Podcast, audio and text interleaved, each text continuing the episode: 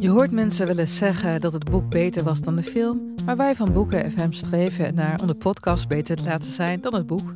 Wij lezen de klassiekers die je nog niet gelezen hebt. We lezen de boeken die je heel graag wil lezen, maar waar je eigenlijk voor schaamt om in het publiek mee gezien te worden. We lezen de Libris-winnaars. Uh, we praten over de Nobelprijslariaten. Allemaal zoals je een etentje hebt dat je moeiteloos mee kan praten en dat het lijkt alsof je helemaal belezen bent. Wij zijn Ellen, Joost en Charlotte van Boeken FM en je kunt ons luisteren in je favoriete podcast-app.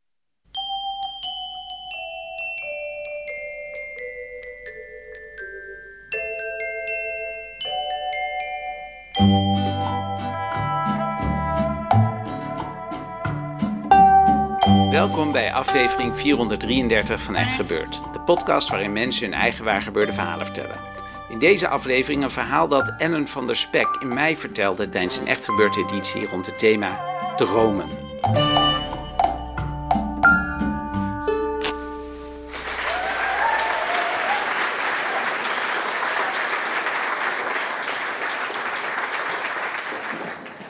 Toen ik vier jaar oud was, uh, werd mijn vader heel ernstig ziek. En uh, de artsen zeiden dat hij zou gaan overlijden ergens de jaren daarna.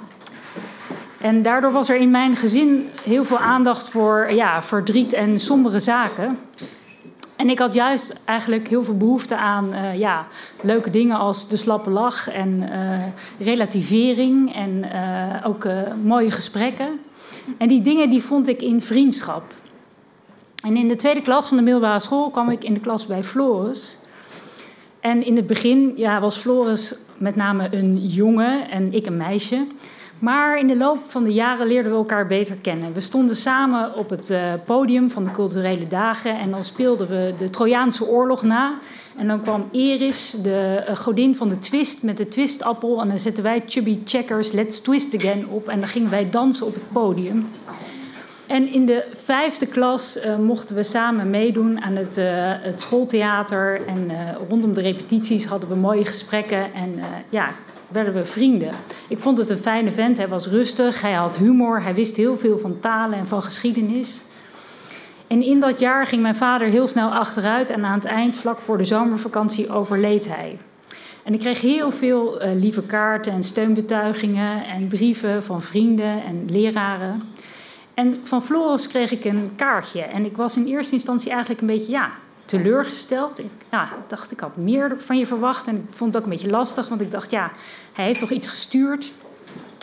Maar de weken daarna, het was inmiddels zomervakantie, kreeg ik een lange brief van hem. En uh, met een hele lieve tekst. En ik dacht, ja, dit, dit was wat ik uh, verwacht had van je. En dat is voor mijn gevoel het moment dat we echt goede vrienden zijn geworden.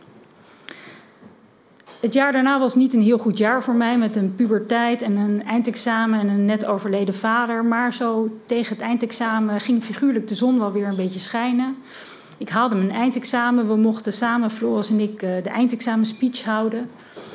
En uh, na de zomervakantie, het was 4 september 1994, zat ik bij Floris in de tuin. Het was prachtig weer en we zeiden tegen elkaar: ja, waar zouden wij zijn over tien jaar? En we zeiden: ah, dan zijn we 28 en dan hebben we ongetwijfeld partners en kinderen en we zijn volledig gezetteld.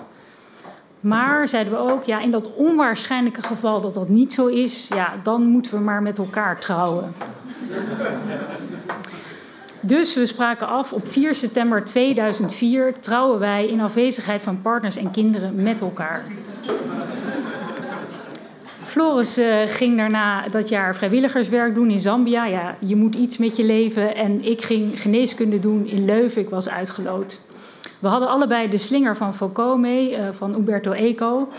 En uh, we hadden afgesproken dat we iedere dag uit dat boek vier bladzijden zouden lezen, zodat we iets hadden wat we iedere dag gezamenlijk hadden. En het is echt een ontzettend ingewikkeld boek. En ik ben na 60 pagina's afgehaakt en Floris heeft het helemaal uitgelezen.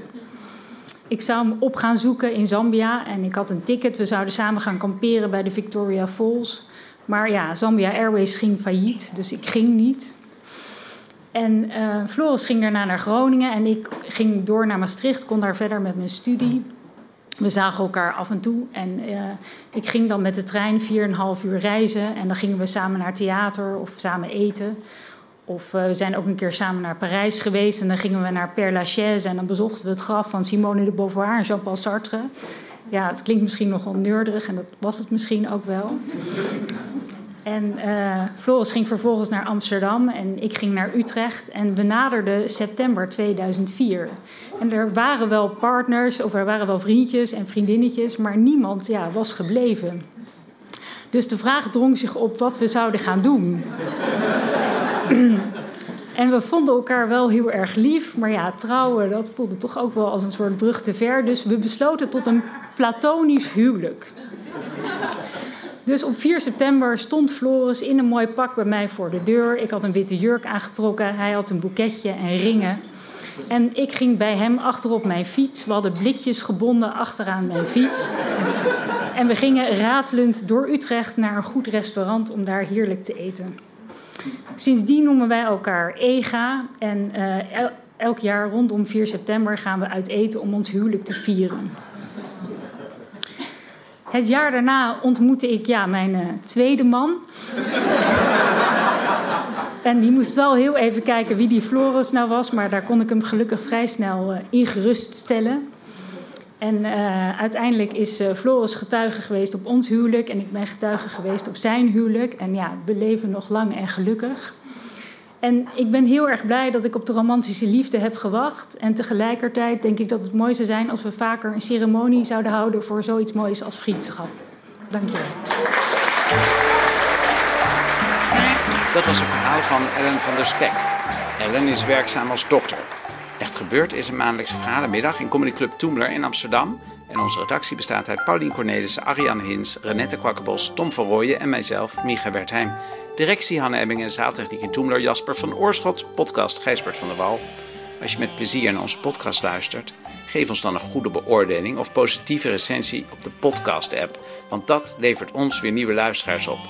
Dit was aflevering 433. Tot volgende week en vergeet ondertussen niet om eens wat vaker met iemand te trouwen.